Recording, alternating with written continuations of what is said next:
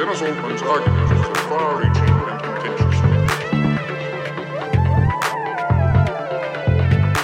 What he says homosexuals want